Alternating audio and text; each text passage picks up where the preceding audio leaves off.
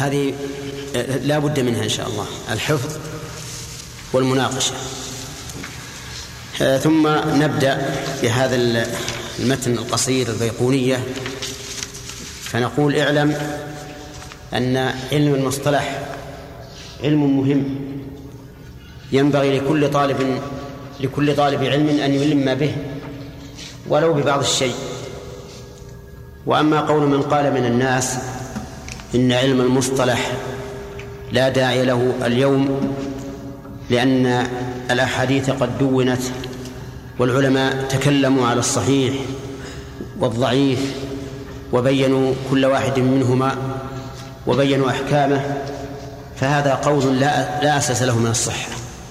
فهذا العلم علم المصطلح لا زال قائما ولا زالت أهميته موجودة. واعلم أن فائدة علم المصطلح هو تنقية الأدلة الحديثية التي تنسب إلى رسول الله صلى الله عليه وسلم وتخليصها مما يشوبها من ضعيف وموضوع وغير ذلك. وذلك أن الشرع كما نعلم جميعا نقل إلينا نقلا بأدلته من الكتاب والسنة. أما الكتاب العزيز فقد حفظه الله عز وجل وتلقاه الناس صاغرا عن كابر وتواتر تواترا لفظيا ومعنويا. لم يوجد له لم يوجد له نظير في الكتب السابقة. ولهذا لم تتطاول عليه ولله الحمد أيدي التحريف بل كان محفوظا حتى من حاول أن يحرف معنى القرآن فإن الله تعالى يقيض له من يصده ويبين عدوانه على كتاب الله عز وجل. أما التحريف اللفظي فما علمنا أن أحدا من الناس حاول أن يحرفه أي بأن يغير كلمة بكلمة أو ما أشبه ذلك إلا ما ينقل عن بعض المبتدعة كما يقال إن بعضهم كان يقرأ وكلم الله موسى تكليما. قرأها هكذا من أجل أن يكون الكلام من موسى لله. وكما قيل عن بعضهم أنه قرأ ليس كمثله شيء وهو العزيز الحكيم بدل وهو السميع البصير ولكن هذه نقول تذكر ولا يعلم لها إسناد. قد تكون صحيحة وقد تكون موضوعة لتشويه أهل البدع. أما معناه أي معنى القرآن الكريم فإنه لا شك أنه تعرض له المبطلون الزائغون وهذا أمر قد ثبت بنفس القرآن. قال الله تعالى فأما الذين في قلوبهم زيغ فيتبعون ما تشابه منه ابتغاء الفتنة وابتغاء تأويله. القرآن الكريم إذن إذا أردنا أن نثبت حكما به أي إذا أردنا أن نثبت حكما ونستدل عليه بالقرآن فإننا لا نحتاج إلى نظر في ثبوته.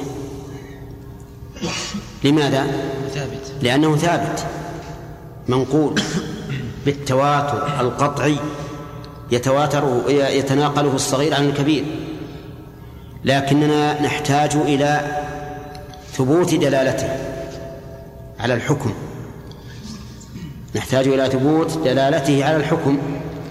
لأنه قد يستدل به من يستدل ولكنه لا لا دلالة له لا دلالة فيه على ما زعم.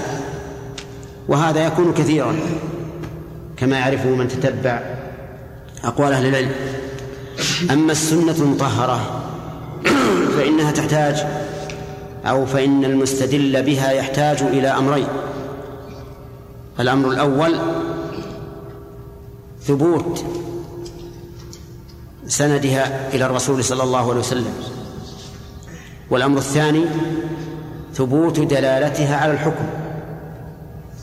فتكون فتكون العناية بالسنة النبوية أمرا مهما لأنه ينبني عليها الأحكام الشرعية التي كلف الله بها العباد من عقائد وعبادات وأخلاق ومعاملات وغير ذلك. الخلاصة الآن المستدل بالقرآن يحتاج إلى نظر واحد فقط الأخ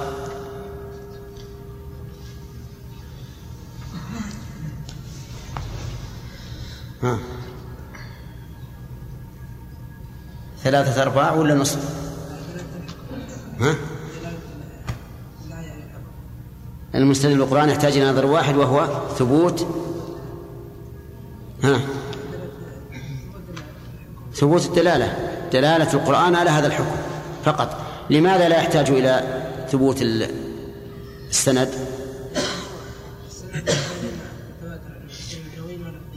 إي نعم. لأنه نقل إلينا نقلا متواترا قطعيا ليس فيه شك. طيب المستدل بالسنة يحتاج نظرين. الأول أو لا شيئين الأول كيف؟ طيب نشوف أصحاب النوم. نعم.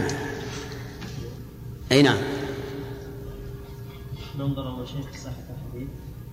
طيب في صحة النقل يعني إلى رسول إلى رسول الله صلى الله عليه وسلم والثاني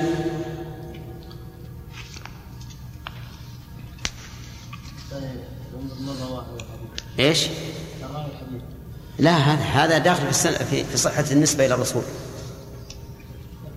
فيها نظرين، الأول ثبوتها عن النبي صلى الله عليه وسلم، الثاني ثبوتها على الحكم إيش ما معنى العبارة؟ ثبوت دلالة الحديث. حطوا بالكم. ثبوت دلالة الحديث على الحكم. إذا ثبوت الدلالة يشترك فيه كتاب والسنة القرآن والسنة. لا بد من هذا. ثبوت السند أو ثبوت النسبة يختص بالحديث. لماذا؟ لأن القرآن نقل إلينا نقلا متواترا قطعيا لفظا ومعنى. نقله الأصاغر عن الأكابر. ولهذا نكاد أن نقول إن تسعة وتسعين بالمئة من المسلمين قد حفظوا القرآن. ليس عن ظهر قلب ولكن أدركوه وقرأوه. من هنا نعرف حاجتنا إلى مصطلح الحديث. وأننا بحاجة ماسة إلى علم مصطلح الحديث وإن كان العلماء الأوائل رحمهم الله وجزاهم الله عن الإسلام والمسلمين خيرا قد تعبوا وهذبوا السنة ونقوها من الضعيف وبينوها لكن كل إنسان لا بد أن يفوته من الكمال ما يفوته. فنحن نتعلم مصطلح الحديث لعلنا نشارك إخواننا الذين سبقونا بالإيمان والعلم فيما ذهبوا إليه.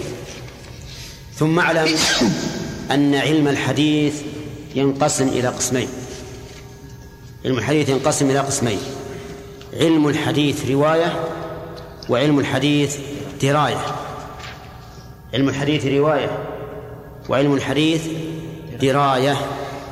فعلم الحديث رواية يبحث عما ينقل عن النبي صلى الله عليه وسلم من أقواله وأفعاله وأحواله. هذا علم الحديث رواية. يبحث فيما ينقل لا في النقل.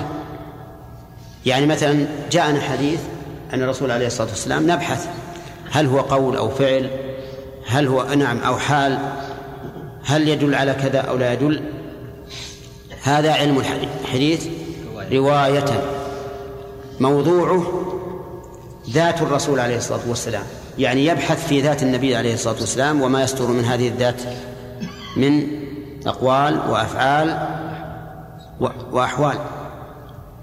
الأقوال معروفة والأفعال كذلك معروفة ومنها الإقرار. الإقرار على الشيء يعتبر فعلا. أما الأحوال فهي صفاته كطويل وقصير وأبيض وغير أبيض نعم يغضب يفرح وما أشبه ذلك.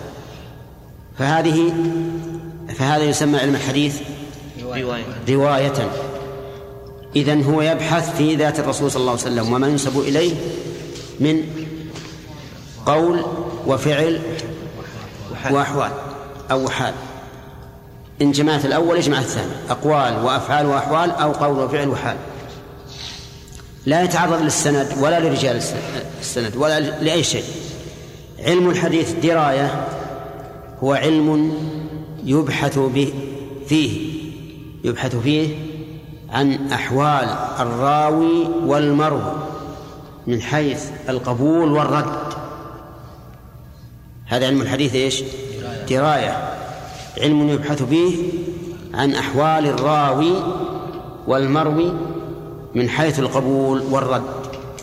يعني مثلا من هو الراوي المقبول؟ من هو الراوي المردود؟ المروي؟ نعم. هذا الحديث ما هو المقبول منه وما هو المردود؟ وبهذا نعرف أن قبول الراوي لا يستلزم قبول المروي. لا يستلزم قبول المروي. لماذا؟ لأن السند قد قد يكون رجاله ثقات عدولا. ليس فيهم بأس. لكن يكون السند الذي هو الحديث شاذا أو يكون معللا وحينئذ لا نقبله. عرفت؟ كما أنه أحيانا لا يكون رجال السند يعني يصلون إلى حد القبول والثقة ولكن الحديث الذي هو المروي يكون مقبولا لأن له شواهد من الكتاب والسنة أو قواعد الشريعة تؤيده. طوالكم جماعة. علم الحديث دراية. الأخ. يبحث عن علم يبحث عن الراوي والمروي. من حيث من حيث القبول والرد. إذن هل يبحث في الحديث من حيث من حيث الدلالة والأحكام أو لا لا يبحث علماء الحديث دراية لا يبحثون عما يكون في الحديث من أحكام وغيرها. فصار علم الحديث ينقسم إلى نعم. طيب. علم الحديث رواية. أحمد.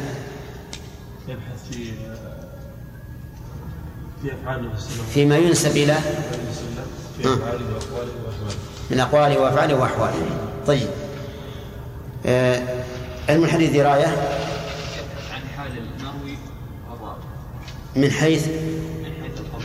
من حيث القبول والرد. يعني لا يبحث عن الراوي المروي. من حيث الطول والقصر وطول الحياة وقصر الحياة لا. من حيث القبول والرد. استفدنا من قولنا إنه يبحث إنه يبحث عن حال الراوي والمروي من حيث القبول والرد أنه لا يلزم من قبول الراوي قبول المروي. وإلا لاستغنينا بقبول الراوي. ولا يلزم من رد الراوي رد المروي. رد المروي. واضح؟ كيف ذلك؟ قد يكون السند ثابتا ورجاله ثقات ثقات عدولا لا إشكال فيه ولا بأس به ولكن يكون المروي إيش؟ شاذا. أو معللا. طيب. كذلك بالعكس. قد يكون الراوي ضعيفا. ولكن الحديث له شواهد من القرآن أو السنة أو قواعد الشريعة العامة وحينئذ نقبله. ولهذا أحيانا تقبل الأمة الأحاديث المرسلة مع انقطاعها لوجود شواهد. لها. وكثير من العلماء يصحح الحديث باشتهاره وقبوله بين العلماء وإن كان سنده ليس بذاك. واضح يا جماعة؟ طيب. إذن علم مصطلح الحديث علم هام. يعرف به الإنسان إيش؟ ما يقبل وما يرد من الحديث. هذه فائدته فائدة علم المصطلح معرفة ما يقبل وما يرد من الحديث لأننا نبحث فيه عن أحوال الراوي والمروي من حيث القبول والرد. طيب. علم المصطلح في الواقع علم متعب من جهة ولذيذ من جهة. فمن جهة فمن جهة أنه يجعل للطالب ملكة يستطيع بها أن يحكم على الحديث بالصحة والضعف فهو شاق من جهة أخرى لأن البحث عن أحوال الراوي يحتاج إلى مطالعة الكتب أي كتب؟ كتب الرجال التي ألفت في هذا الفن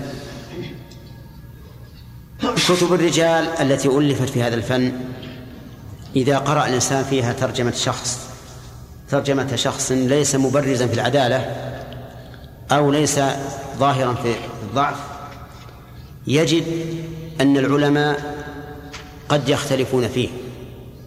فهذا يقول ثقة وهذا يقول ضعيف وهذا يقول لا بأس به وهذا يقول صالح وما أشبه ذلك. إذن يحتاج إلى إلى تعب في تحقيق هذا الخلاف.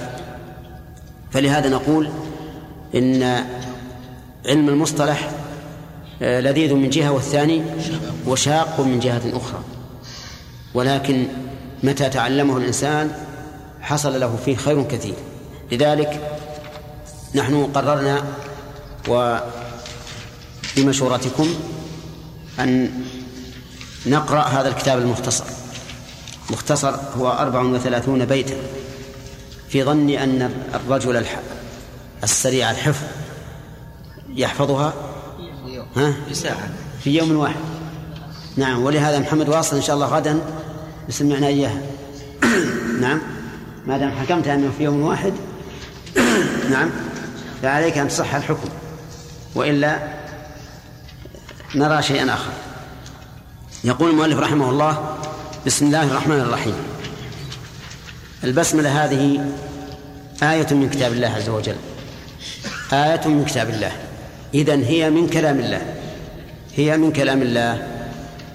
يبتدأ بها كل سورة. كل سورة من القرآن يبتدأ فيها ببسم الله الرحمن الرحيم. إلا سورة واحدة وهي سورة براءة. فإنها لا تبتدأ بالبسملة اتباعا للصحابة رضي الله عنهم ولولا أنها لم تنزل لحفظها الله عز وجل. أي لو أنها نزلت لكانت محفوظة كما حفظت في بقية السور لكنها لم تنزل على الرسول عليه الصلاة والسلام ولكن الصحابة أشكل عليهم. هل هي من من الأنفال؟ أو إنها سورة مستقلة؟ فوضعوا فاصلا فاصلا بينهما دون البسملة. ولكن لو سألنا سائل هل البسملة في علم الله من كتاب الله أو لا؟ ها؟ لا في قصدي البسملة في براءة من كتاب الله أو لا؟ لقلنا لا. لماذا؟ لأن الله قال إنا نحن نزلنا الذكر وإنا له لحافظون. ولو كانت البسملة في صلاة براءة ثابتة لحفظها الله عز وجل كما حفظها في بقية السور. البسملة كما تشاهدون جار ومجرور ومضاف إليه وصفة. كذا عبد الرحمن؟ ها؟ نشاهد الآن. طالع. جار ومجرور؟ ها؟ ومضاف إليه وصفة. باسم جار مجرور. لفظ الجلالة مضاف إليه. الرحمن الرحيم صفة. طيب. كل جار ومجرور لا بد له من متعلق لأن الجار والمجرور معمول والمعمول لا بد له من عامل.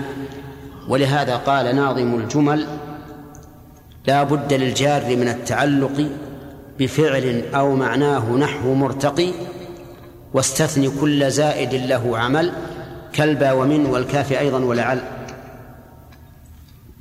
كل مجرور لا بد له من التعلق. إما بفعل كقام أو معناه كاسم الفاعل واسم المفعول. مثلا طيب إذن البسملة متعلق بالمحذوف فما هذا المحذوف؟ اختلف فيه النحويون.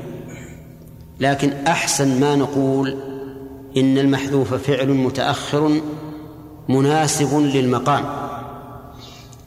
فعل متأخر مناسب للمقام. فمثل بسم الله ونحن الآن بنقرأ النظم. يكون التقدير بسم الله أقرأ. إذا كان الناظم هو اللي قال بسم الله بسم الله أنظم بسم الله أنظم طيب. وهنا سؤال. لماذا قدرناه فعلا ولم نقدره اسم فاعل مثلا؟ بسم الله آه، ابتدائي مثلا أو ما أشبه ذلك. يعني اسم فاعل أو مصدر ما قدرناه لا مصدرا ولا اسم فاعل. ها. ولا اسم مفعول. ما قلنا بسم الله منظومي بسم الله نظمي. نقول قدرناه فعلا لأن الأصل في العمل إيش؟ الأفعال. الأصل في العمل الأفعال ولهذا يعمل الفعل بدون شرط. وما سواه من من العوامل الاسمية تحتاج إلى شرط. هذا واحد. لماذا قدرناه متأخرا؟ قدرناه متأخرا لوجهين. الوجه الأول التيامن بالبداءة بسم الله ليكون اسم الله هو المقدم وحق له أن يقدم. والثاني إفادة الحصر إفادة الحصر. وذلك لأن تأخير العامل يفيد الحصر. لأن تأخير العامل يستلزم تقديم ما حقه التأخير وتقديم ما حقه التأخير دال على الحصر فمثلا إذا قلت بسم الله أنظم بسم الله أقرأ يعني لا باسم غيره لا باسم غيره فائدتان هما؟ لا الأخ. نعم التيامن بالبداء بسم الله.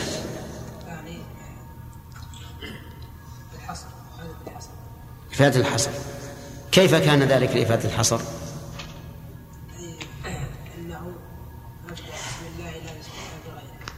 لكن لماذا كان مفيدا للحصر؟ لأنه أخر لأن القاعدة أخر ما حق التأخير أو أخر ما حق التقديم ما يخالف طيب تمام بارك الله فيه بقي شيء ثالث ما هو؟ أن نقدره فعلا مناسبا للمقام آه، نقدره بذلك لأنه أدل على المقصود يعني لسببين السبب الأول أنه أدل على المقصود والثاني أنه لا يخطر ببال المبسمل إلا هذا لو سألت الرجل الذي قال عند الوضوء بسم الله فماذا التقدير؟ وش يقدر؟ بسم الله أتوضأ. ولو أنك سألت الذي يريد أن يأكل لقال بسم الله آكل. كذا. إذن هذا هو المتبادر لذهن من؟ لذهن, لذهن الفاعل المبسمل. ولا يخطر بباله إلا أنه يبسمل على هذا الفعل الخاص. ثانيا أنه أدل على المقصود. أدل على المقصود. طيب ضد ذلك لو أن أحدا قال أريد أن أقدر المتعلق بأبتدئ. بسم الله أبتدئ. نقول هذا لا بأس أنك الآن تبتدئ لكن أبتدئ فعل عام عام. يشمل ابتدائك بالنظم ابتدائك بالوضوء فهو عام. واضح؟ وهو وكما قلنا لا يتبادر إلى ذهن المبسم إذن فنقدر المتعلق عبيد الله. في في القراءة لا نريد قاعدة عامة. نقدر المتعلق. متأخرا ومناسبا نعم أحسنت. طيب. أما اسم الله فالاسم يقول إنه مشتق من السمو وهو العلو. وقيل من السمة وهي العلامة.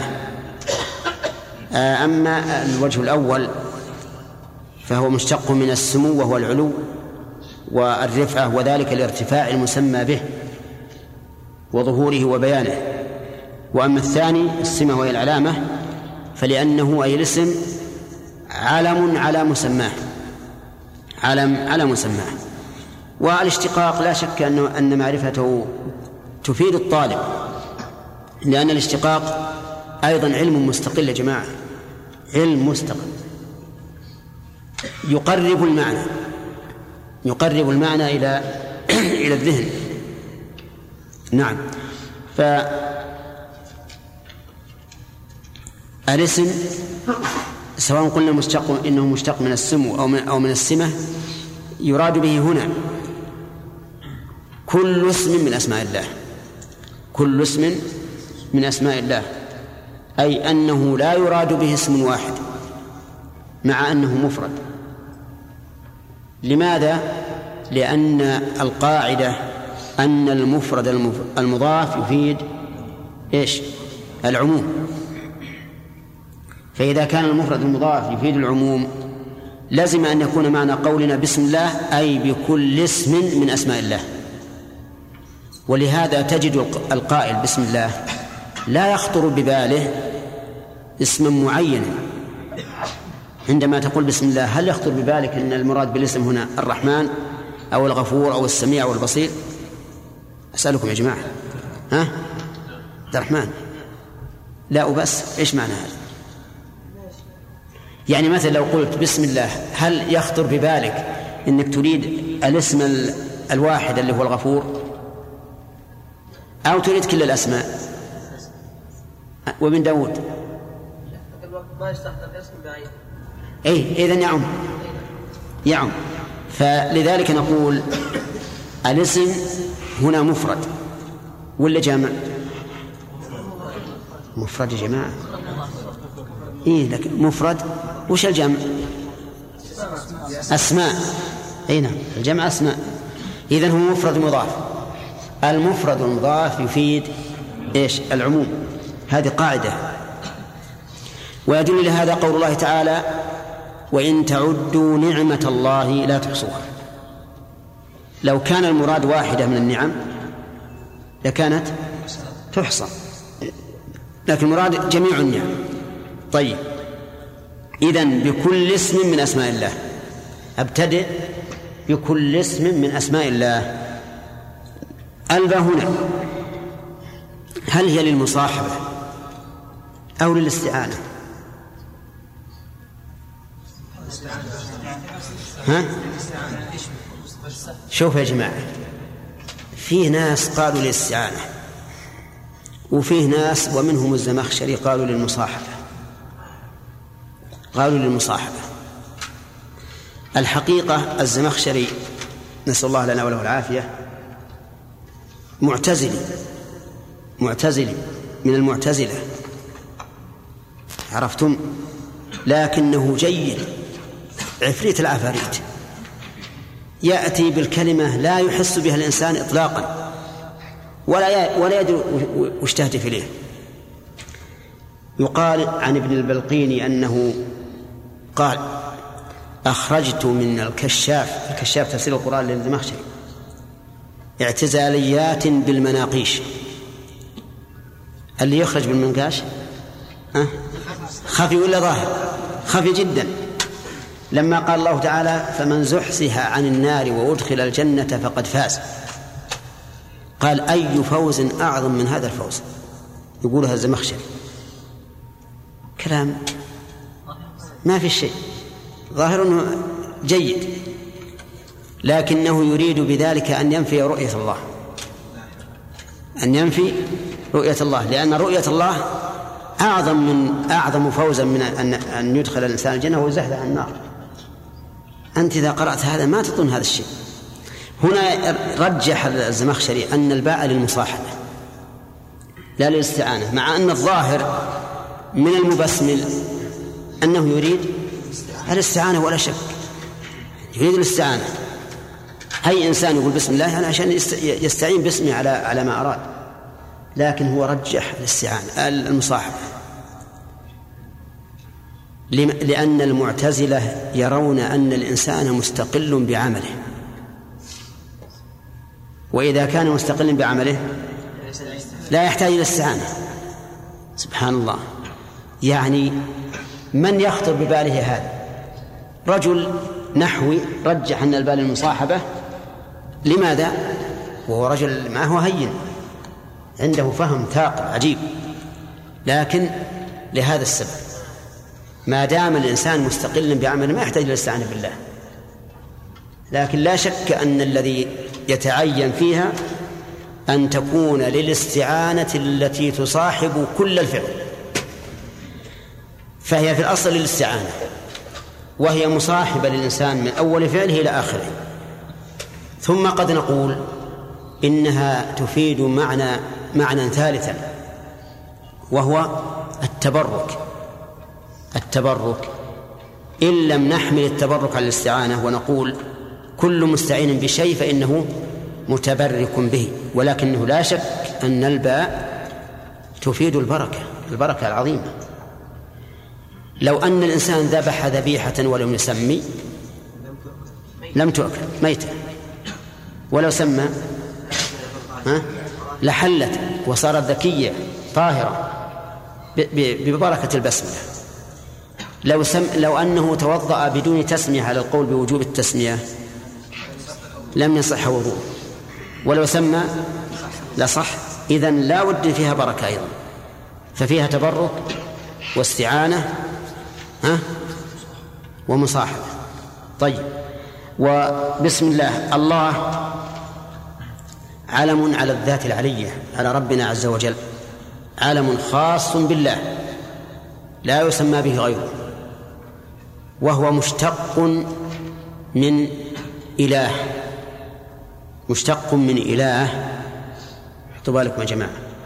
لكن حذفت الهمزة وعوض عنها ال. فصارت الله. وقيل مشتق من الإله. وأن أل موجودة في بنائه من الأصل وحذفت الهمزة للتخفيف كما حذفت من الناس وأصلها الأناس ومن شر وخير وأصلها أشر وأخير. معلوم؟ على كل حال هي علم على الله عز وجل لا يسمى به غيره. وما معناه؟ تكلموا فيها كثيرا. لكن أحسن ما قيل فيها إنها من الألوهية وهي التعبد بحب وتعظيم. يقال آله إليه أي اشتاق إليه وأحبه وأناب إليه وعظمه فهي مشتقة من الألوهية وهي المحبة والتعظيم. نعم. يقال عند العامة أنا واله على فلان. وش معنى واله عليه؟ يعني مشتاق إليه. يعني أنا مشتاق إليه. ف فهي في الحقيقة من الألوهية أي العبودية بمحبة وتعظيم. وعليه. فيكون إله بمعنى مألوه.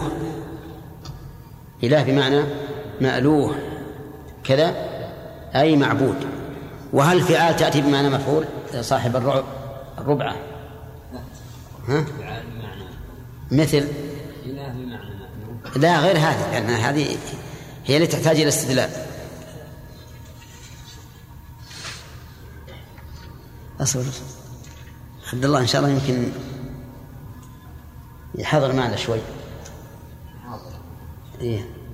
بدنا. لا بدنا. طيب. نعم. فراش بمعنى؟ مفروش وغراس وبناء بمعنى مبني. طيب. إذن الإله أو الله بمعنى المعبود. المعبود تألها ومحبة وتعظيما. الرحمن صفة لله وهو اسم من أسماء الله أيضا. اسم من أسماء الله. يدل على الرحمة. يدل على الرحمة. والرحمة صفة انفعالية صفة انفعالية.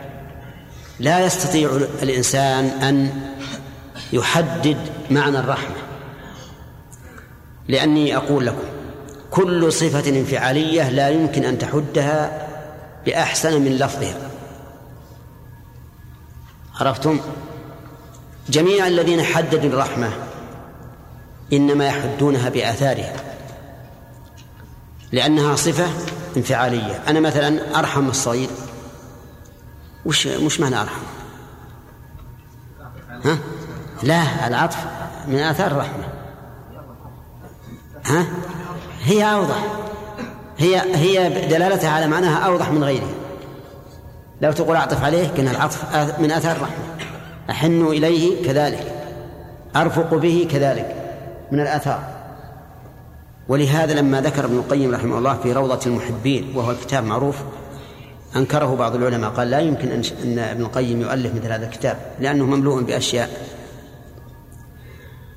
آه ذكر للمحبة أكثر من عشرين تعريفا. المحبة وش المحبة؟ المحبة قال الميل الميل للمحبوب. طيب الشوق إلى المحبوب عدد أكثر من عشرين تعريف. ما يحتاج أن نعده المحبة هي المحبة. لو لو لو تطلب كل لفظ تريد أن تحدها ما حددتها بمثلها الغضب. وش الغضب؟ نعم هذا المعنى. لكن التعريف الغضب وش تقول؟ الغضب والله احمرار الوجه وانتفاخ الأوداج وتشريط العين. تشريط العين يعني يظهر فيها شرائط حمر نعم. وترمي بشرر. إيش؟ وش يكون هذا؟ هذا غضب؟ هذا آثار الغضب. إذا الرحمة لا يمكن أن نحدها. بل نقول هي صفة معلومة المعنى مجهولة الكيفية بالنسبة لمن؟ لله عز وجل. بالنسبة لله. صفة معلومة المعنى مجهولة الكيفية. طيب معلومة الآثار؟ ها؟ الرحمة معلومة الآثار؟ نعم. ومن رحمته جعل لكم الليل والنهار لتسكنوا فيه. كل ما بنا من نعمة فهي من الله من رحمته. طيب. إذا الرحمن إيش هو؟ لا الرحمن. لا لا سؤال خاص يا جماعة. التخصيص يكون بالاسم وبالإشارة. انتبهوا إلى أشرت معناه أني نعم. اسم من أسماء الله يدل على إيش؟ على صفة الرحمة. ما هي الرحمة؟ لا بسم الله ما تقول انفعالية. هي في الأصل صفة انفعالية. نعم. تعرف بآثارها. تعرف بآثارها. طيب. الآثار مجهولة الكيفية. نعم. صح. مع هي بالنسبة لله صفة معلومة المعنى والأثر مجهولة الكيفية. طيب الرحيم. الرحيم أيضا اسم مشتق من الرحمة. مشتق من الرحمة. لكن هل هو بمعنى الرحمن أو يختلف؟ قال بعض العلماء إنه بمعنى الرحمن.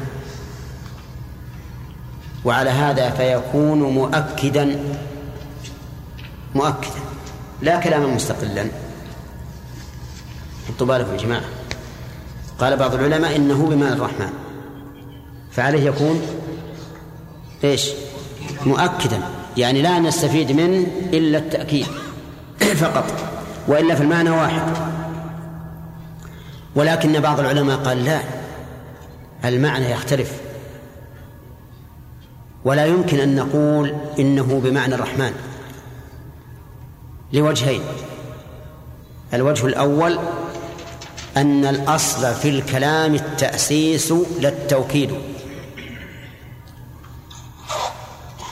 كلام معلوم؟ الأصل في الكلام التأسيس لا التوكيد يعني معنى إذا وجدت كلمة وقال الإنسان هذه مؤكدة للي قبلها نقول لا الأصل أنها مؤسسة يعني أنها كلام تفيد شيئا مستقلا غير الأول. لا مؤكد هذا الأصل. وذلك لأن الأصل في التوكيد الزيادة المؤكد زائد والأصل في الكلام عدم الزيادة فنقول ليست للتوكيد لسببين السبب الأول أن الأصل في الكلام التأسيس لا التوكيد طيب وش معنى التأسيس؟ أي الأصل في الكلام التأسيس إيش معناه؟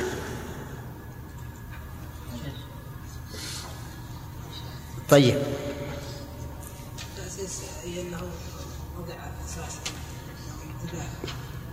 إيه يعني له معنى مستقل. أن له معنى مستقل عن ما قبله.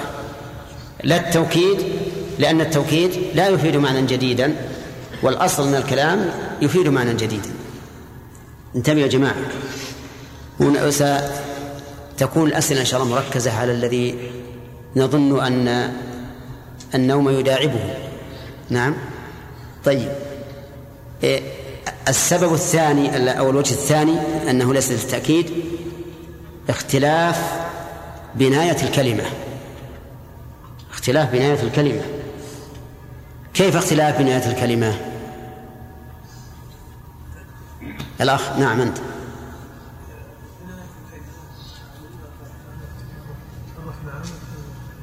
الأولى على فعلان والثانية على فعيل فالبناء مختلف والقاعدة في اللغة العربية أن اختلاف المبنى يدل يدل على اختلاف المعنى عرفتم؟ إذن لا بد أنه أنه مختلف فما وجه الخلاف؟ قال بعض العلماء وجه وجه الخلاف أن الرحمن يدل على الرحمة العامة والرحيم يدل على الرحمة الخاصة. لأن رحمة الله عز وجل نوعان عامة وخاصة. فالعامة لجميع الخلق والخاصة للمؤمنين. كما قال تعالى وكان بالمؤمنين رحيما. والدليل على أنها خاصة بالمؤمنين الأخ. أي نعم. ما وجه الدلالة على أنها خاصة بالمؤمنين؟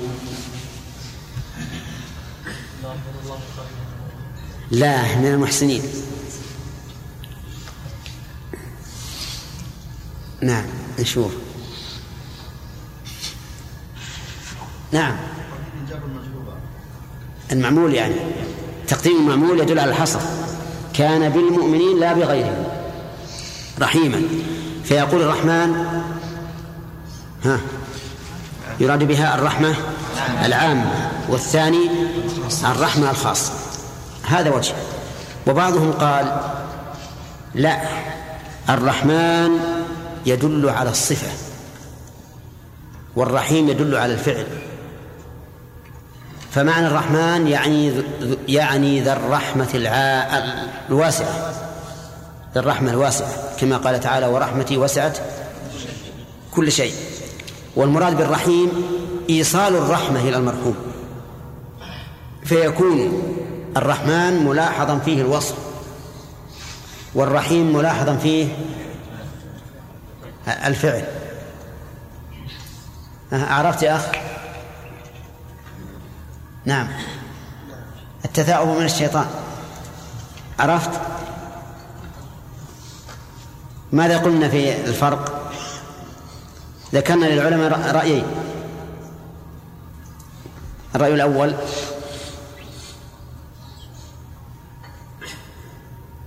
يوسف. علم علمه حط بارك جزاك الله خير. انتبه. طيب. ان الرحمن؟ صفة عامة للمؤمنين. كيف الرحمن صفة عامة. للمؤمنين؟ الرحمن عام عامة للمؤمنين. لا. عامة لجميع الناس. إيه؟ والرحيم للمؤمنين نعم. وقال أهل العلم أن الرحمن آه، هي صفة والرحيم هي الفعل. يعني الرحمن ملاحظ فيه الصفة والرحيم ملاحظ فيه الفعل. فيه قول ثالث أنهما إيش؟ بمعنى واحد. أنهما بمعنى واحد. احتج بالكم يا جماعة. إذن الأقوال كم؟ ثلاثة. والأقرب عندي والله أعلم القول الأول. أن الرحمن يلاحظ فيه الصفة يعني ذو الرحمة الواسعة. لأنه لأن كلمة فعلان دائما تدل على الامتلاء مثل غضبان سكران ريان وما أشبه ذلك. وأما الرحيم فيلاحظ فيها إيش؟ فعل. الفعل. يلاحظ فيها الفعل. أي الموصل رحمته من يشاء, من يشاء. انتهى الكلام الآن على البسملة. وإنما أطلنا فيها الكلام لأن البسملة كما تعرفون تأتي في كل كتاب. أتت في الكتاب العزيز كلام الله رب العالمين عز وجل وأتت في غيره.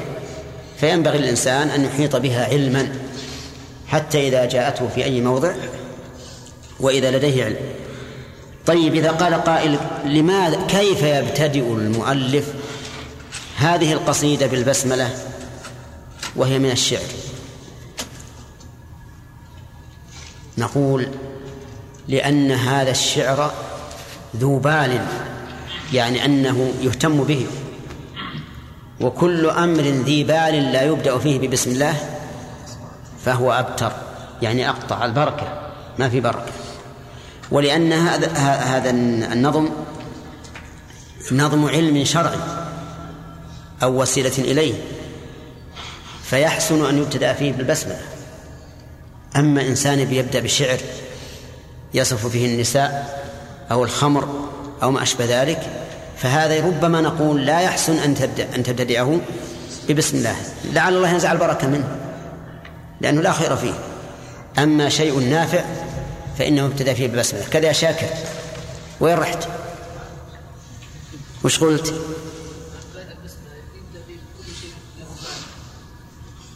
إي نعم وش معنى له بال؟ اما الاشعار التي يوصف فيها النساء أو الخمره فلا يبدا باسم الله لعل الله ان ينزع اي طيب جيد. يقول المؤلف رحمه الله أبدأ بالحمد مصليا على. قوله أبدأ بالحمد يوحي بأنه لم يذكر البسملة. عرفتم؟ نقول أبدأ بالحمد لو بدأ بالبسملة لكانت البسملة هي الأولى. ولهذا يشك الإنسان هل المؤلف ابتدأ النظم بالبسملة أو لا. لكن الشارح ذكر أنه ابتدأ بالبسملة. وبناء على هذا أي بناء على أنه ابتدأ الكتاب بالبسملة تكون البداءة هنا نسبية. أبدأ بالحمد. بداءة نسبية. كيف بداءة نسبية؟ أي بالنسبة لدخوله في موضوع الكتاب أو في صلب الكتاب. معلوم؟ وقوله بالحمد مصليا أبدأ بالحمد مصليا. مصليا حال لا شك. يحتمل أن تكون من فاعل أبدأ يعني حال كوني مصليا. ويكون المؤلف قد بادأ بالحمد متلبسا بالصلاة على النبي صلى الله عليه وسلم.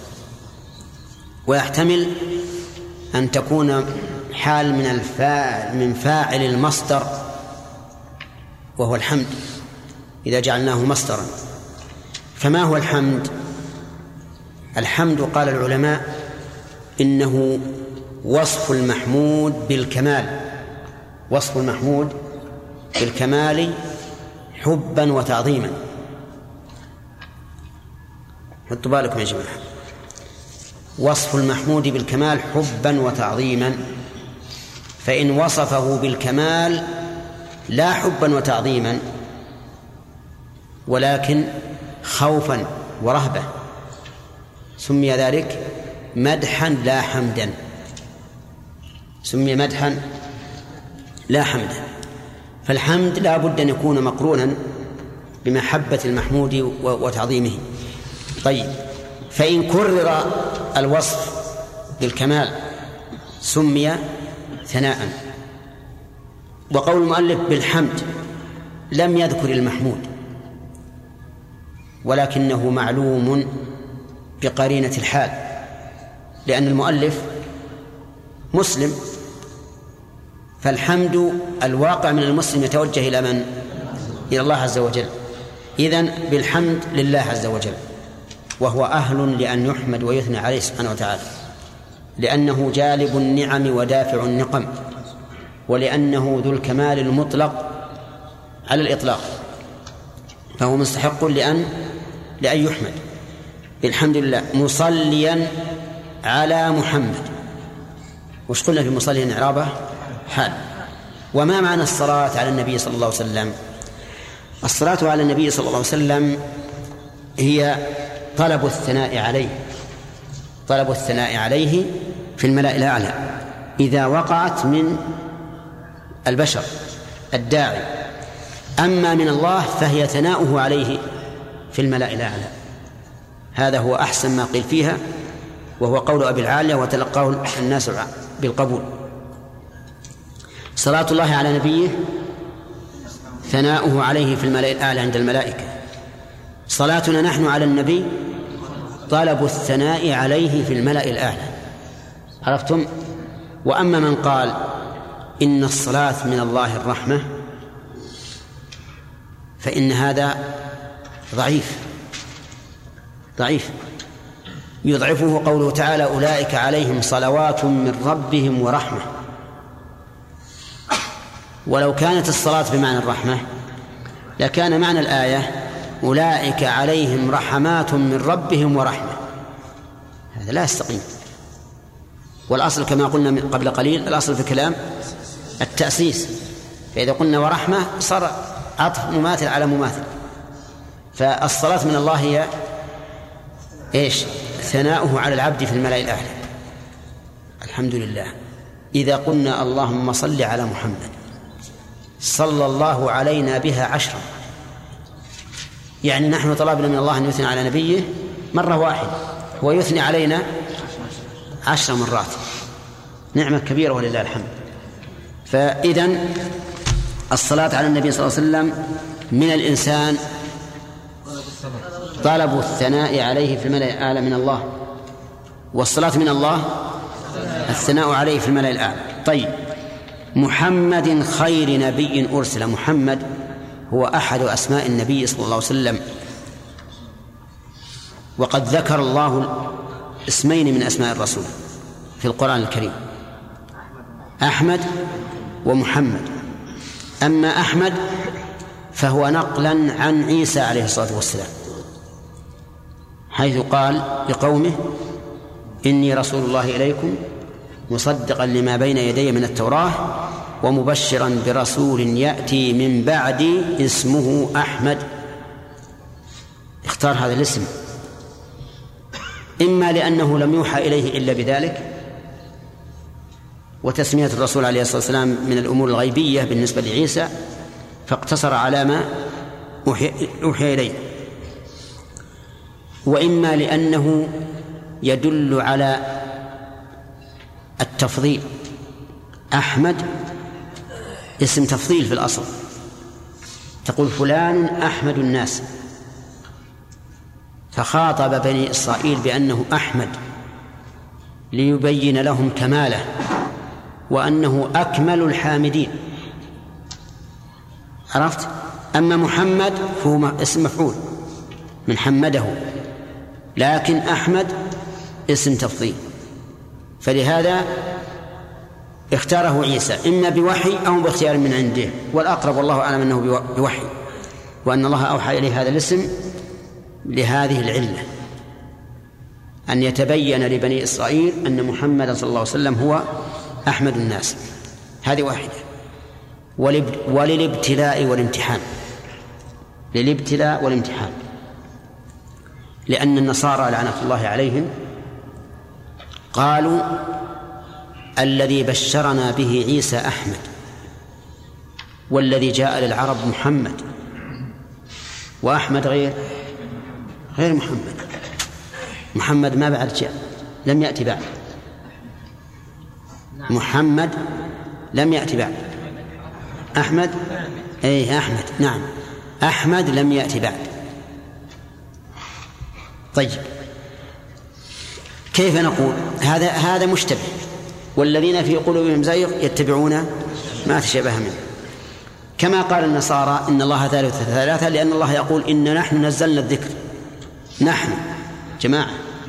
نزلنا الذكر. نقول قولكم إنه لم يأتي. هذا كذب.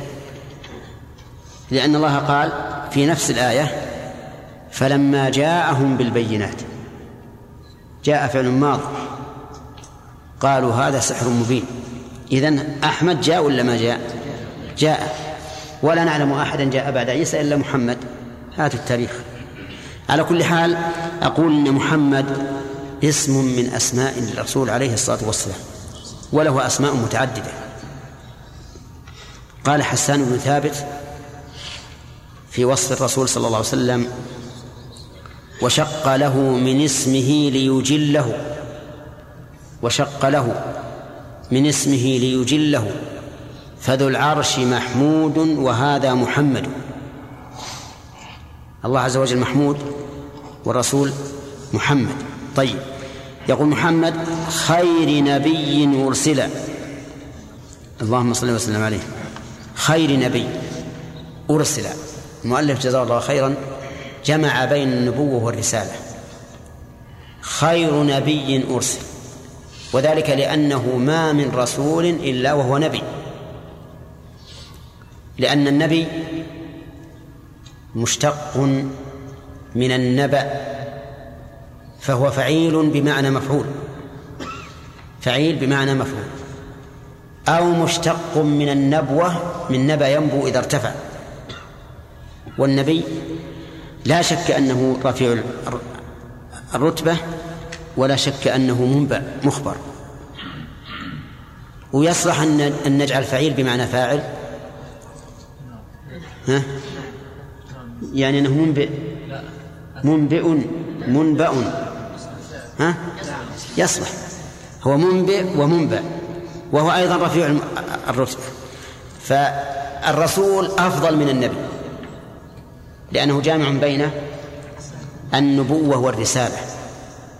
وقد قال الله تعالى الله أعلم حيث يجعل رسالته.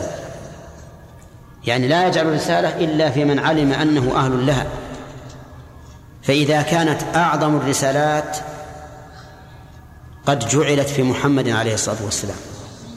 لازم من هذا أن يكون محمد أكمل الخلق أكمل من أرسل أكمل من أرسل. ولهذا قال محمد خير نبي أرسل يعني أرسل إلى الناس. طيب. ثم قال وذي من أقسام الحديث عدة وكل واحد أتى وحده. ذي اسم إشارة. والمشار إليه ما ترتب في ذهن المؤلف. تبالغ. أنتم ترون في أول الكتب. أما بعد فهذا كتاب. أما بعد فهذا اعتقاد. وما أشبه ذلك. هل المشار إليه موجود في الخارج أو موجود في الذهن؟ ها؟ إن كان يقول بعض المحشين إن كانت الخطبة بعد الكتاب. فالمشار إليه موجود في الخارج لأنه قد وجد الكتاب وإن كانت الخطبة قبل التأليف فالمشار إليه في الذهن.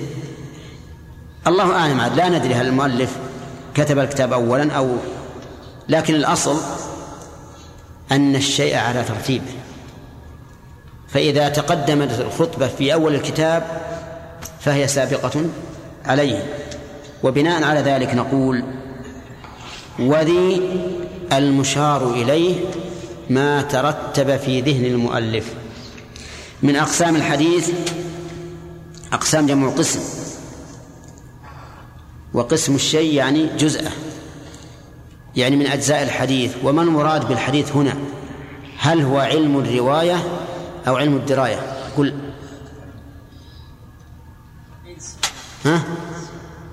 أقول قول المؤلف من أقسام الحديث هل هو علم الرواية أو علم الدراية؟ الدراية. صح. علم الدراية. لأننا قلنا إن علم الدراية علم يعرف به أحوال الراوي والمروي من حيث القبول والرد. طيب. عدة يعني عدد ليس بالكثير وكل واحد من هذه الأقسام أتى. أتى يعني أنه جاء به المؤلف. لأن ما هو يأتي وحده. هو كلام لا بد فيه من متكلم. أتى وحده. أتى وحده. إيش الناصب سامي. أتى وحده. لا الواو حرف عطف. فاعل أتى وحده. أتى فعل نعم. والواو؟ والواو معطوف على على أتى الفاعل على أتى. حده فعل ما يستقيم. نعم. الواو والمعية. وحد مفعول معه. عرفتم؟ وهنا قاعدة إذا عطف على الضمير المستتر فالأفصح أن تكون الواو للمعية. الأفصح أن تكون الواو للمعية وينصب ما بعدها. فإذا قلت محمد جاء وعليا أفصح من أن تقول محمد جاء وعلي ولا يصلح. لكن إذا أردت أن يكون العطف صالحا ائت بضمير بالضمير المنفصل. استمع إلى قوله تعالى أسكن أنت وإيش؟ وزوجك. لو لم تأتي أنت لكان الكلام يكون اسكن وزوجك اسكن وزوجك. إذا إذا عطفنا القاعدة إذا عطفنا على ضمير. مستتر. ها؟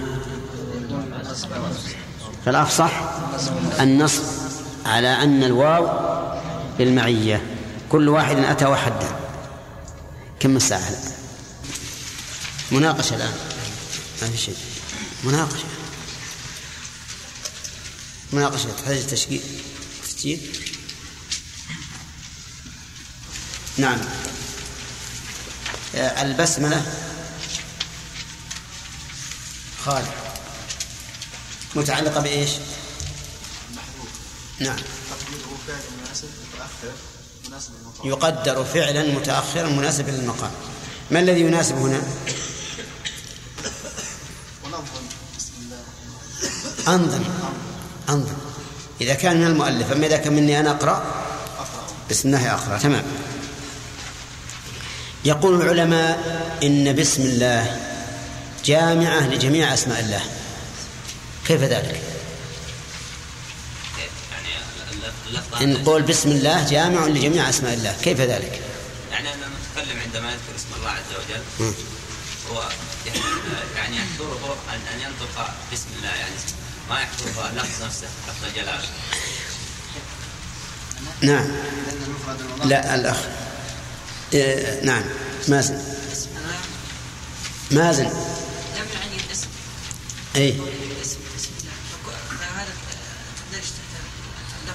اسماء طيب. لكن على أي قاعدة هذا الأساس؟ على أي قاعدة قلنا هذا الكلام؟ نعم يا داود؟ لأنه مفرد مضاف والاسم المفرد المضاف المضاف يعني أبتدأ بكل اسم من أسماء الله صح؟ لأنه مفرد مضاف والمفرد المضاف يعم كل اسم. ودليل ذلك وإن تعدوا نعمة الله لا تحصوها. وهي مفردة نعمة. لكن لما أضيفت صارت كل النعم. إذا نأخذ من هذا قاعدة المفرد المضاف يفيد العموم. طيب. فرق بين العلماء بين الرحمن والرحيم. هنا نعم نعم بعضهم قال انه الرحمن يعني يفيد الرحمه العامه والرحيم يفيد الرحمه الخاصه وغير.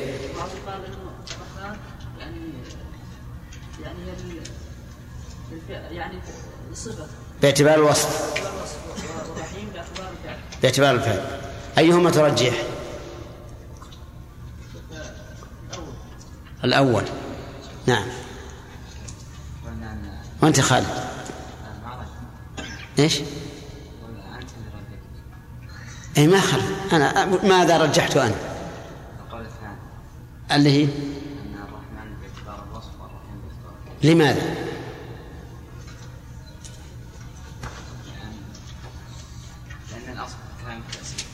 الأصل في الكلام التأسيس.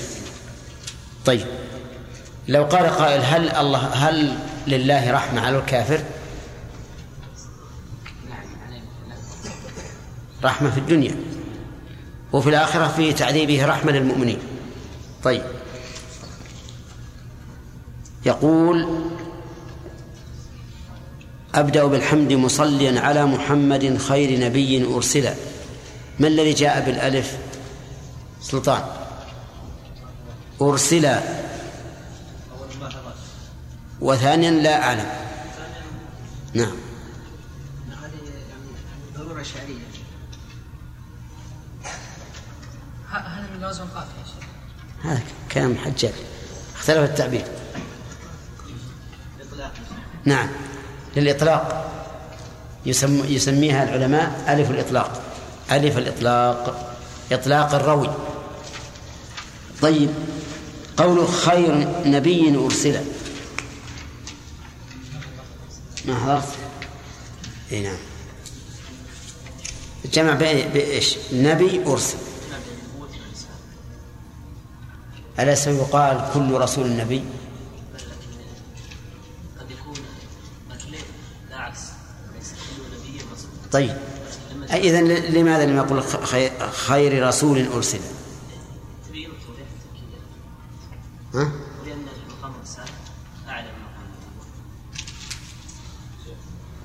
نعم الجزء بالكل لا أنا أظن ذكرنا لكم بس سابقا بالحقيقة مو بالشرح الأخير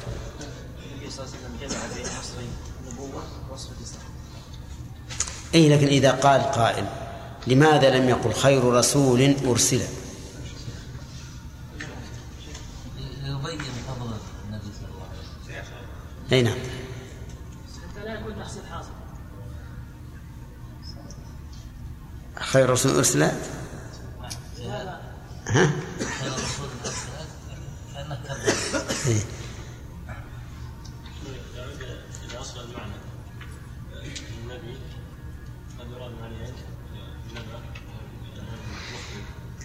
يقولون إن إن دلالة الرسالة على النبوة من باب دلالة الل- اللزوم. لأن من لازم كونه رسولا أن يكون نبيا. كذا فإذا ذكر اللفظ صريحا كان ذلك أوضح في الدلالة على المقصود. فالجمع بينهما إذن نستفيد منه أنه نص على النبوة ولو اقتصر على الرسالة ها؟ لم نستفد النبوة إلا عن طريق اللزوم. وأيما أولى أن يكون اللفظ دالا على المعنى بنصه أو باستلزامه بنصه. هذا هو. هذا هو. مع أن الرسول صلى الله عليه وسلم في حديث البراء بن عازم عند ذكر النوم لما أعاد البراء بن عازم الحديث قال آمنت برسولك الذي أرسلت. فقال له النبي عليه الصلاة والسلام لا قل آمنت بنبيك الذي أرسلت. بنبيك الذي أرسلت لأجل آه، أن يكون دلالة ال- آه، دلالة النبوة دلالة نص. هذه من جهة. وأيضا من جهة أخرى أنه إذا قيل خير رسول فإنه من المعلوم. أن الرسول يشمل الرسول الملكي والرسول البشري. من الرسول الملكي؟ جبريل. فإذا قلت خير رسول أرسل قد لا يتضح المقام. لكن على كل حال في في في في كتابنا هذا في كلام المؤلف هنا كلمة محمد تخرج جبريل. على كل حال ما ما يوهم طيب. ذكر العلماء أن علم الحديث ينقسم إلى نعم. نعم. ما هو علم الحديث رواية؟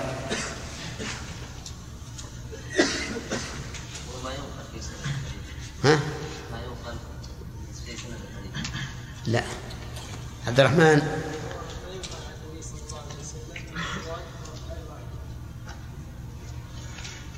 علم يبحث عما ينقل. آه. أحسنت. تمام. هذا علم الحديث؟ رواية. طيب. علم الحديث؟ دراية. أشرف يبحث عن حال المروي الراوي والمروي من حيث القبول والرد. نعم. طيب. آه، لماذا احتاج العلماء إلى مصطلح الحديث تنقية حديث الرسول صلى الله عليه وسلم من الصحيح والضعيف الصحيح والضعيف يعرف ما يقبل ما يقبل وما يرد من من الأحاديث. طيب. هل لهذا أهمية بندر؟ يعني مثلا كنا نعرف أن هذا حديث صحيح وهذا حديث ضعيف له أهمية. ها؟ ما هي؟ العمل بالحديث الصحيح نعم. ورد الحديث الضعيف وعدم العمل به. أحسنت. تمام. لأن الأحكام الشرعية مبنية على ثبوت الدليل. طيب. يقولون إن إن الناظر في القرآن أو إن المستدل بالقرآن له نظر واحد. والمستدل بالسنة له نظران. أو عليه نظران. نعم. زكي.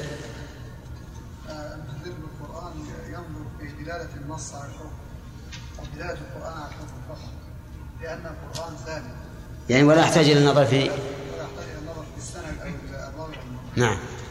وأما الناظر في الحديث فإنه ينظر آه، يحتاج يحتاج إلى ثبوت الدليل نفسه. إلى نظر, نظر واحد ولا اثنين ولا ثلاثة؟ نظرين نعم. النظر الأول آه، ثبوت آه، الحديث. والثاني ثبوت دلالة الحديث على الحكم وش تقولون؟ صحيح؟ طيب. ناخذ درس جديد ولا هل انتهى الوقت؟ إحنا قدرنا اظن ساعه الا ربع ها؟ ست؟ ما يمدينا طيب ما خلينا ندور غيره يقول وذي من أقسام الحديث عدة. ذي من أقسام الحديث من اللي ما أخذ؟ نعم. يلا يا أمداد. ذي اسم إيش؟ نعم. المشار إليه؟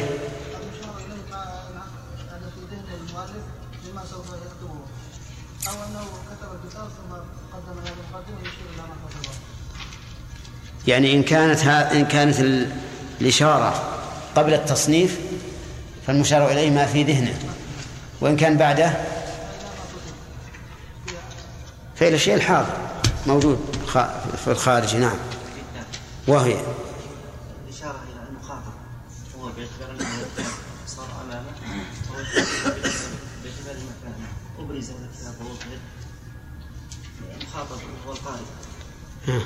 يخاطب هذه يخاطب هذه إذا معناه أنه- يشير إليه بعد وجوده. بعد وجوده. أو قبل وجوده. قال وجوده. باعتبار باعتبار القارئ يعني المخاطب ما أدري. ما, ما ظهر لي. ظهر لكم هذا الكلام؟ ها؟ ما هو نسمع طيب. قول كل واحد أتى وحده أخذت يا بن داود؟ إيه. لا فيه معنى أقول وحده كيف كيف نصبت؟ لماذا نصبت؟ وكل واحد أتى وحده مفعول إيش؟ مفعول؟ معه. ما في المفعول مع مع من؟ مع من؟ وين ال- ال- ال- المصحوب؟ لأن واو المعية تدل تدل على المصاحب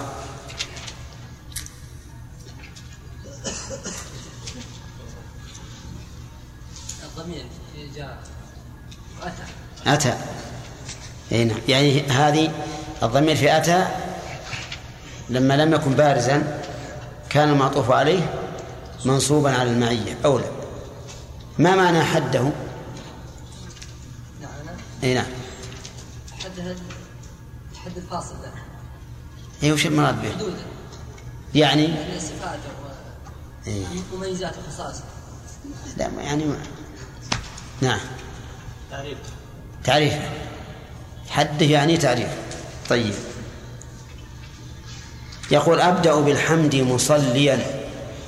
ما الذي نصب مصليا؟ اللي أخذ الجماعة ما حاجة. ما أخذ ها؟ يلا. حال منين؟ من الضمير في أبدأ. يعني حال كوني؟ مصليا. ها؟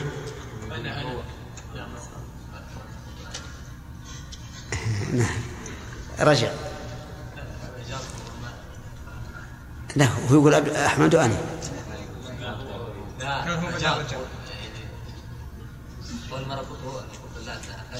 اي طيب. المهم رجعت إلى الصواب. الحمد لله. طيب.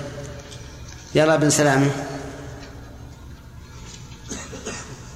قوله أبدأ بالحمد مصليا على محمد خير نبي أرسل ما معنى الصلاة الصلاة كانت من البشر فهي الدعاء إلى الرسول صلى الله عليه وسلم بإيش؟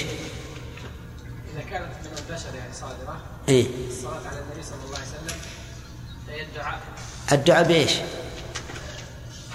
الدعاء للنبي صلى الله عليه وسلم بإيش؟ بالرحمة بالرحمة إيه وإن كانت وإن كانت من الملأ من الله سبحانه وتعالى فهي للثناء عليه الثناء عليه. على من؟ نعم. أي نعم. طيب.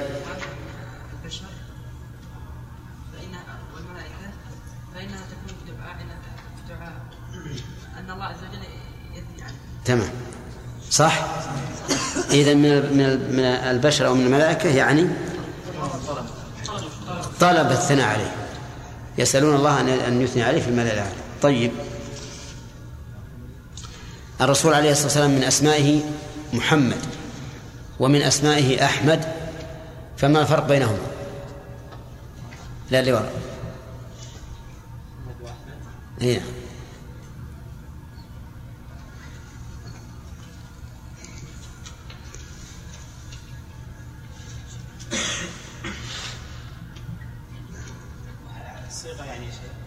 بس صيغة والمعنى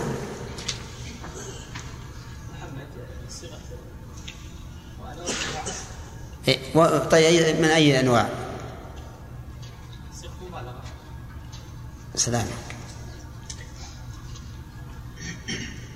عبد الله فاني؟ ها؟ اسم مفعول. اسم تفضيل. صحيح. طيب. إذن الفرق بينهما. أن محمد اسم مفعول وأحمد اسم تفضيل. ما الفرق بينهما في المعنى؟ لا فرق؟ لا يا أخي اسمع اسمع. فرق بين اسم اسم المفعول وبين اسم التفضيل. صحيح مدلولهما شيء واحد وهو الرسول صلى الله عليه وسلم لكن المعنى يختلف.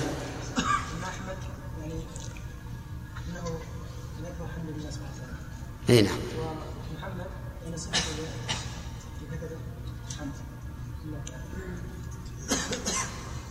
أخذت تفضل. محمد تدل على كثرة الصفات المحمودة في النبي عليه الصلاة والسلام. نعم. أما أحمد فهو تدل على تقديره عليه الصلاة والسلام أنه أحمد الناس لله سبحانه وتعالى. أحمد ناس لمن؟ لله سبحانه وتعالى. محمد الواقع الفعل واقع من الناس يعني هم يحمدون نعم. لكن أحمد الواقع الفعل واقع منه لله عز وجل. يعني هو أحمد الناس لله. طيب و... ويصح أيضا في أحمد أن نقول إنه مشتقة من اسم, من اسم المفعول. يعني أحمد يعني هو أحق الناس أن يحمد. يكون محمد حمد بالفعل. وأحمد أي كان حمده على وجه يستحقه لأنه أحق الناس أن يحمد. في في أحمد يقول إنها اسم فاعل. يعني هو أحمد الناس لربه هو أحمد الناس لربه. وهذا والله أعلم هو السر في أن الله ألهم عيسى بن مريم أن يقول مبشرا برسول يأتي بعده اسمه أحمد. حتى يبين لبني إسرائيل أنه أحمد الناس لله وأنه أحق الناس أن يحمد. صلى الله عليه وعلى, آله وأصحابه أجمعين. نقتصر على هذا. الوقت كم الحين. قلنا ذاك اليوم أظن يبدأ الساعة ثمان.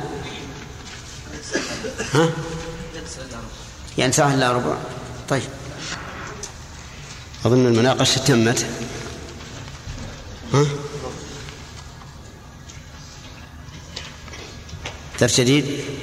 سمع عبد الرحمن. نعم. البيت الثالث. بسم الله الرحمن الرحيم. قال المؤلف رحمه الله تعالى بسم الله الرحمن الرحيم. أولها الصحيح وهو ما اتصل إسناده ولم يشذ أو يعل شذ ولم يشذ أو يعل اصبر اصبر شوف. أولها؟ أولها؟ أولها الصحيح وهو ما اتصل. نعم. إسناده ولم يشذ أو يعل الأحسن يشذ يشذ. ولم يشذ أو يعل أولها الصحيح وهو ما اتصل. إسناده ولم يشذ أو يعل يرويه عن يرو يرويه عدل ضابط عن مثله. معتمد في ضبطه معتمد. معتمد في ضبط في ضبطه ونقله. بسم الله الرحمن الرحيم. الحمد لله رب العالمين والصلاة والسلام على نبينا محمد وعلى آله وأصحابه ومن تبعهم بإحسان إلى يوم الدين. لما قال المؤلف رحمه الله إن إنه سينظم من أقسام الحديث عدة وسيأتي بكل واحد من هذه الأقسام وبحده والحد هو التعريف بالشيء. وشرطه أي الحد أن يكون مضطردا وأن يكون منعكسا يعني أن الحد يشترط أن لا يخ... أن لا يخرج شيئا من المحدود وأن لا يدخل شيئا من غير المحدود. لا بد أن في الحد أن يكون مضطردا منعكسا. ومعناه أن لا يخرج منه شيء من المحدود وأن لا يدخل فيه شيء من غير المحدود. فمثلا إذا حددنا الإنسان كما يقولون بأنه حيوان ناطق. بأنه حيوان ناطق. هذا الحد يقولون إنه مضطرد منعكس. فقولنا حيوان خرج به ما ليس بحيوان كالجماد. وقولنا ناطق خرج به ما ليس بناطق كالبهيم. فهذا الحد الآن تام. لا يدخل فيه شيء من غير المحدود ولا يخرج فيه شيء من المحدود. طيب لو قلنا الإنسان حيوان فقط هذا لا يصح. لماذا؟ لأنه يدخل فيه ما ليس منه. إذا قلنا الإنسان حيوان فقط دخل فيه البهيم والناطق. وإذا قلنا الإنسان حيوان ناطق متحرك هذا آه نعم. حيوان ناطق عاقل. هذا لا يصلح لأنه يخرج منه بعض أفراد المحدود وهو المجنون. إذن لا بد في الحد أن يكون مضطردا منعكسا. طيب لو قلنا الوضوء الوضوء غسل الأعضاء الأربعة فقط. هذا لا يصح. لا بد أن تقول على صفة مخصوصة. لأنك لو غسلت هذه الأعضاء غير مرتبة لم يكن هذا وضوءا شرعيا. طيب ولو قلت الوضوء غسل الأعضاء الأربعة ثلاثا على صفة مخصوصة. لا يصح. ليش؟ لأنه يخرج منه بعض المحدود. يخرج منه الوضوء إذا كان غسلا واحدا.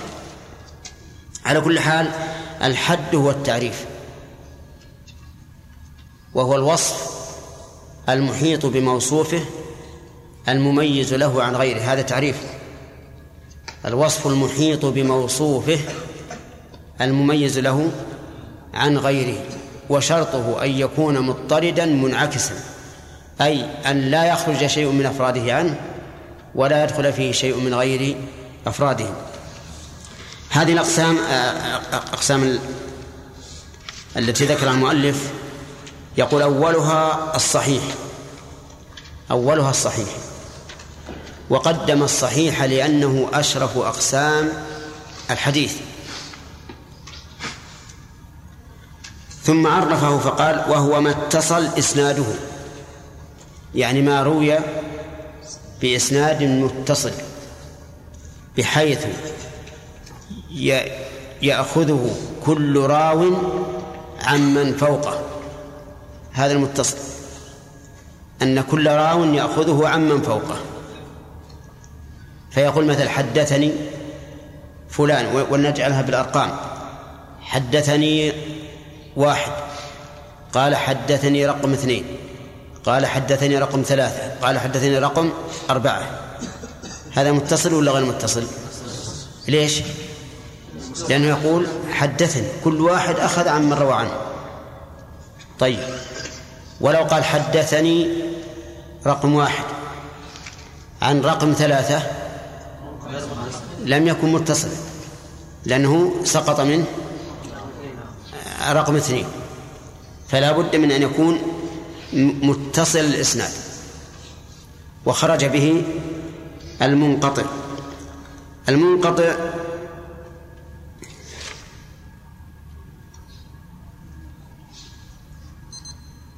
سيأتي إن شاء الله تعالى بأنه ينق... بأنه ينقسم. ينقسم إلى أقسام. وسنؤخر الكلام عليه حتى يأتي محله. ولم يشذ أو يعل يعني لم يكن شاذا ولا معللا. فقول لم يكن شاذا لا بد أن نعرف ما هو الشاذ. الشاذ هو الذي يرويه الثقة مخالفا لمن هو أوثق منه. وإن شئت فقل لمن هو أرجح منه. هذا الشاذ. هو الذي يرويه الثقة مخالفا لمن هو أرجح منه. إما في العدد وإما في الصدق وإما في العدالة. الشاذ إذن هو ما يرويه الشاذ مو بالشذوذ الشاذ ما يرويه الثقة. عرفناه الآن. لمن هو أرجح؟ قلنا أرجح أحسن من أوثق. الشاذ هو ما رواه الثقة مخالفا لمن هو أرجح منه.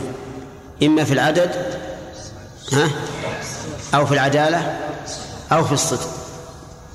هذا الشاذ.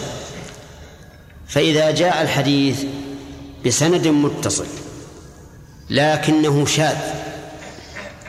بحيث يكون مخالفا لرواية من هو أرجح من راويه في العدد أو إيش؟ الصدق أو العدالة. فإنه لا يقبل. فإنه لا يقبل ولو كان الذي رواه عدل. ولو كان السند متصلا. لماذا؟ من أجل شذوذه من أجل شذوذه